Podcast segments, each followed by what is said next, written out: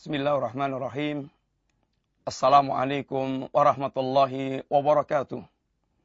Innal hamdalillah wassalatu wassalamu ala Rasulillah wa ala alihi wa ashabihi wa mawalah. Wala haula wala quwata illa billah amma ba'd.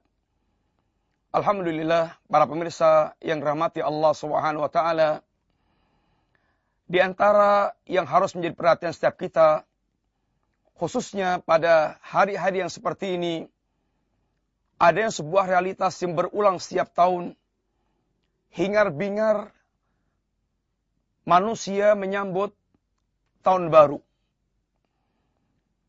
Yang menjadi catatan tentunya seandainya yang melakukan orang yang mereka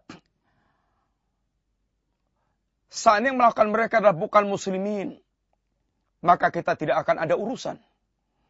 Akan tetapi ketika yang kemudian mayoritas yang terjun melakukan al-muslimin, maka kita pun perlu mencermati sesungguhnya bagaimana seharusnya seorang muslim dalam mensikapi setiap perkara dan tentu telah kita kita telah diajarkan sebuah kaidah kehidupan agar kita selalu mengembalikan segala perkara kepada bimbingan agama kita yang hak, yang sempurna itu Al-Quran dan As-Sunnah.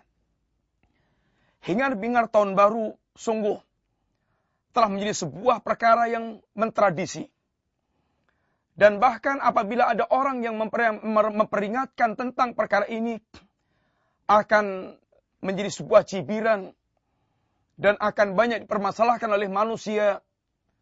Dan sungguh ini merupakan bentuk keterasingan ajaran agama kita di saat banyak orang mereka yang tidak mengenal sunnah yang benar dari ajaran Rasulullah Sallallahu Alaihi Wasallam. Kaum muslimin, para pemirsa yang rahmati Allah, ada beberapa catatan yang layak untuk kita cermati. Ketahuilah seorang mukmin dia faham bahwa keberadaan dia di dunia sekarang ini dalam rangka mewujudkan misi yang sangat agung yaitu misi menegakkan akidah yang sahihah menegakkan tauhid menegakkan akidah yang lurus ini akidah tauhid menjadikan seluruh kehidupan kita dalam rangka untuk beribadah kepada Allah taala tanpa menyekutukan Allah Subhanahu wa taala. Wa ma khalaqtul jinna wal insa illa liyabudun dan tidaklah kuciptakan jin dan manusia kecuali dalam rangka untuk beribadah kepada Allah. Kata al-Imam, kata sahabat Ibnu Abbas, liya'budun eh liwahiduni. Dalam rangka untuk menjadikan seluruh ibadah kita, kita tauhidkan kepada Allah Subhanahu wa taala. Yang kedua, seorang muslim dia faham bahwa keberadaan dia di dunia dalam rangka beribadah kepada Allah Subhanahu wa taala, Allah telah turunkan rasul dalam rangka untuk membimbing kepada kita bagaimana menempuh jalan yang hak, bagaimana menempuh jalan yang lurus hingga kita kembali kepada Allah Subhanahu wa taala di atas jalan yang ditunjukkan oleh Rasulullah SAW. Ittabi'u ahsana ma unsila ilaikum min rabbikum. Ikutilah perkara terbaik yang Allah telah turunkan kepada kalian. Ittabi'u ma ansalallah Ikutilah apa yang Allah turunkan kepada kalian. Allah memerintahkan kita mengikuti jalan yang hak, yaitu risalah yang dibawa oleh Rasul yang Allah utus. Risalah yang Allah turunkan melalui Rasul yang Allah utus. Maka sikap kita hendaknya mengacu kepada kitab Allah. Para pemirsa yang rahmati Allah taala mencermati kehidupan kaum muslimin secara umum berkaitan dengan datangnya tahun baru, boleh jadi mereka akan mengatakan, akan tapi ini kan telah menjadi sebuah tradisi dan telah menjadi sebuah perkara yang sangat umum di tengah-tengah manusia. Bukankah keumuman itu yang kita ikuti? Maka seorang mukmin dia akan dengan gampang menjawab bahwa seorang muslim terikat dengan agamanya setiap amal apa pun akan disetandarkan dengan agama dia. Yaitu Al-Quran dan As-Sunnah. Adapun kebanyakan orang bukanlah standar. Bahkan Allah Subhanahu wa taala mengatakan, "Wa in tuti aktsara man fil ardi yudilluka an sabilillah." Seandainya Anda ikuti kebanyakan manusia di muka bumi, Anda atau mereka akan menyesatkan Anda dari jalan Allah Subhanahu wa taala. Karena kebenaran hanya ada pada agama Allah. Hanya ada pada tuntunan risalah agama Allah. Baik pengikutnya banyak atau pengikutnya sedikit, maka kebenaran adalah apa yang ditunjukkan oleh Allah Subhanahu wa. Sehingga bukan pada banyaknya orang berjalan, bukan pada sedikitnya orang yang mengikutinya, akan tapi adalah cocoknya dengan ajaran Allah Subhanahu wa. Sungguh ada beberapa catatan penting yang layak kita ketahui berkaitan dengan perayaan tahun baru. Yang pertama, seandainya Anda menelusuri sejarah, maka kita semuanya tahu bahwa tahun baru Masehi ini tidak lepas dari keyakinan-keyakinan agama syirik dan kafir agama syirik dan kafir. Tidak lepas perayaan tahun baru dari dari milik keyakinan-keyakinan musyrikin dan kafirin. Dikatakan bahwasanya bulan Januari maka terambil dari sebuah nama seorang dewa dewa Janus dewa yang menjaga sebuah tempat perbatasan dewa yang bermuka dua. Ini sebuah keyakinan musyrikin. Kemudian bulan Juli dan Agustus adalah nama seorang seorang kaisar. Julius Caesar dan seorang raja Agustus. Nama yang tidak bisa dipisahkan dari pemilik pelopor, dan pembesar tradisi tersebut. Ini kufar dan musyrikin. Dan kemudian bagaimana berkaitan pula dengan kepemilikan Nasrani dengan Masehi tersebut. Semuanya berkaitan bahkan dalam menjadi paket perayaan, yaitu perayaan Natal dan Tahun Baru menjadi sebuah paket karena memang ini tidak bisa dipisahkan dari kepemilikan musyrikin dan kafirin.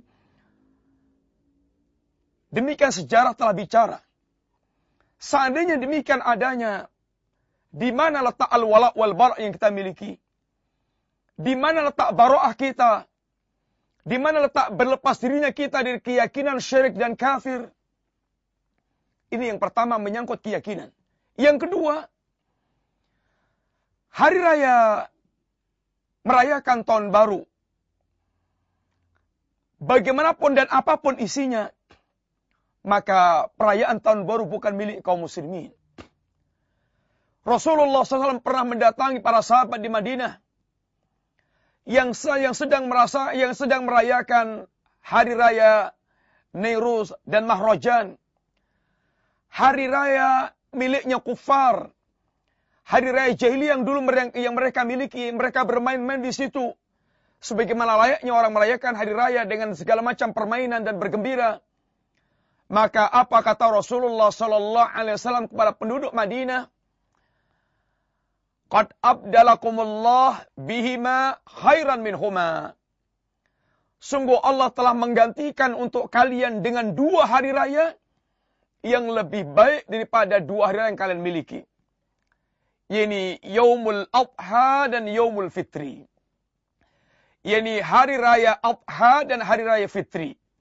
Dua-duanya hari raya yang pemberian Allah dan lebih baik bagi kaum muslimin. Bagaimana tidak lebih baik? Hari raya ini adalah hari raya yang diawali dengan pensucian jiwa. Ramadan kita digembleng dengan 30 hari berpuasa dengan aneka ragam ibadah yang dipacu. Ini akan memberikan warna tashiatun nafas. Kemudian ditutup dengan zakat fitrah. Dibagikan pada fukara wal masakin. Kemudian kita merayakan Yomul Id.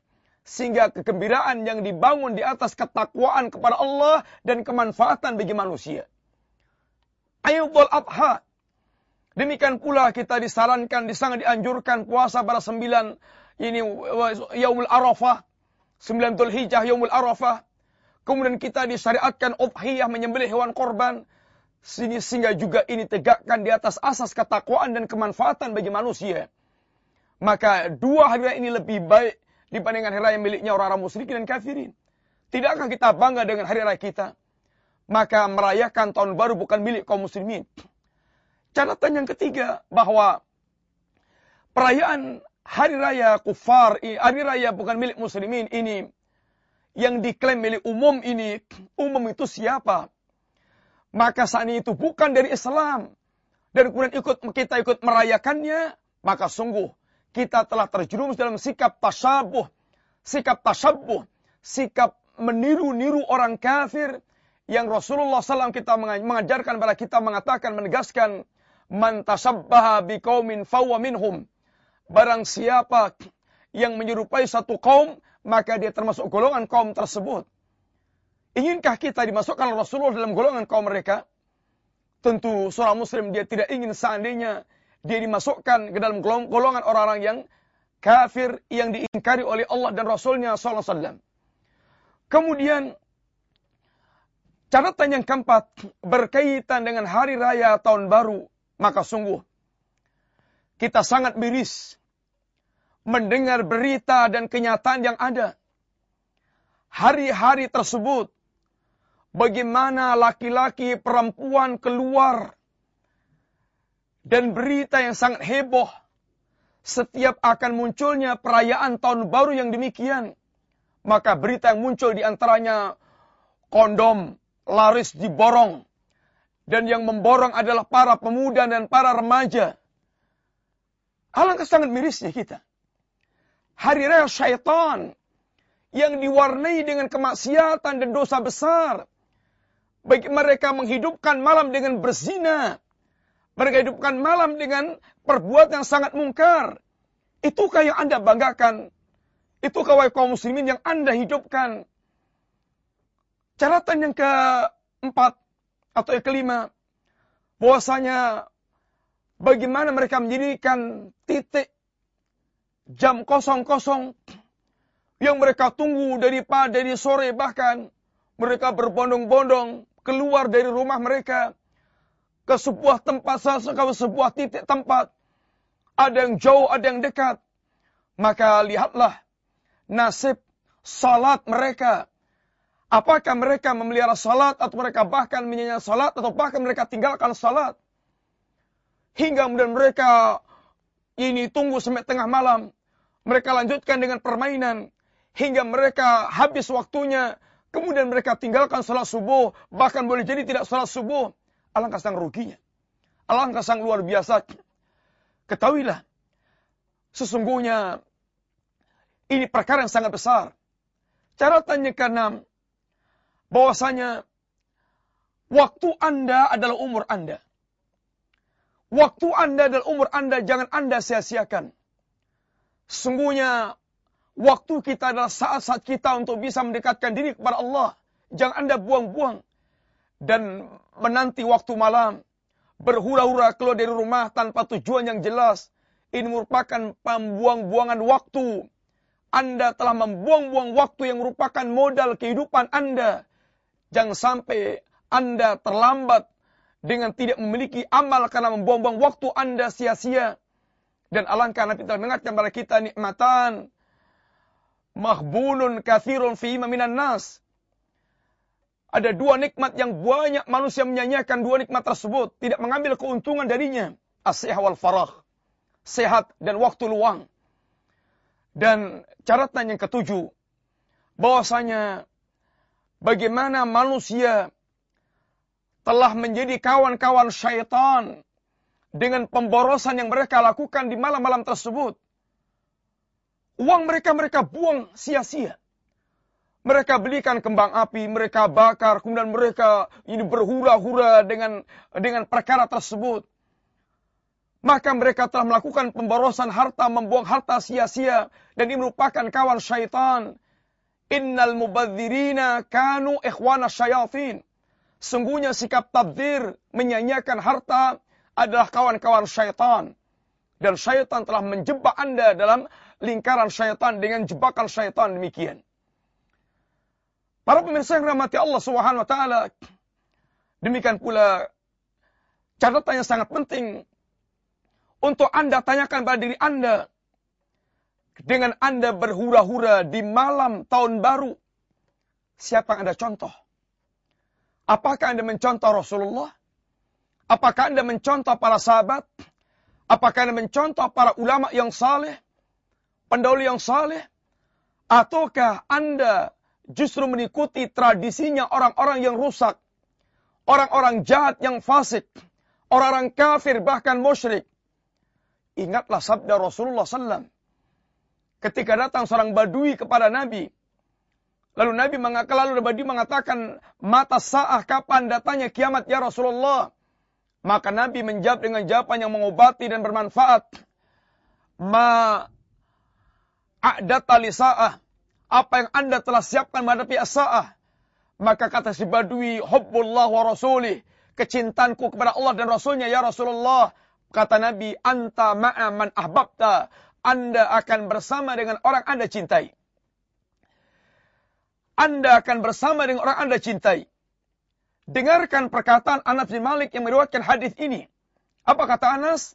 Uhibbullaha wa rasulahu wa Abu Bakr wa Umar wa arju an akuna ma'ahum walau lam a'mal bi a'malihim. Aku mencintai Allah, aku mencintai Rasulullah, aku mencintai Abu Bakar dan Umar dan aku berharap bisa bersama dengan mereka sekalipun aku tidak bisa beramal sekualitas amal mereka. Para pemirsa yang rahmati Allah, khawatirkan diri Anda Seandainya Anda ternyata dengan amal itu, kecintaan Anda kepada orang fasik, yang kafir, yang musyrik, yang zalim, jangan sampai Anda nanti dikumpulkan Allah bersama dengan mereka. Karena berarti dengan Anda menghidupkan malam yang bukan milik muslimin, Anda telah mencintai mereka dan khawatirkan diri Anda akan bersama dengan mereka di jahanam wal billah. Mudah-mudahan kalimat-kalimat singkat yang kita sampaikan menjadi renungan buat kita bahwa seorang muslim tidak akan mulia kecuali dengan Islamnya. Banggalah dengan identitas Islam Anda. Dan hidupkan agama Anda. Itu yang akan menjadikan Allah memuliakan kita. Karena kita mulia dengan Islam dan bukan dengan yang lainnya. Sebagaimana perkataan Umar bin Khattab. radhiyallahu beliau mengatakan. Inna kunna adzalal qaum. Kita ini dulunya kaum yang hina, yang rendah. A'zanallahu bihadzal Islam. Lalu Allah memuliakan kita dengan Islam famahma natlubul izzata bighairil eh, bighairil Islam Allah. Maka kapan saja kita mencari kemuliaan bukan dengan Islam, Allah akan menghinakan kita. Mudah-mudahan manfaat. Wassallallahu ala nabiyyina Muhammadin wa ala alihi wasallam. Assalamualaikum warahmatullahi wabarakatuh.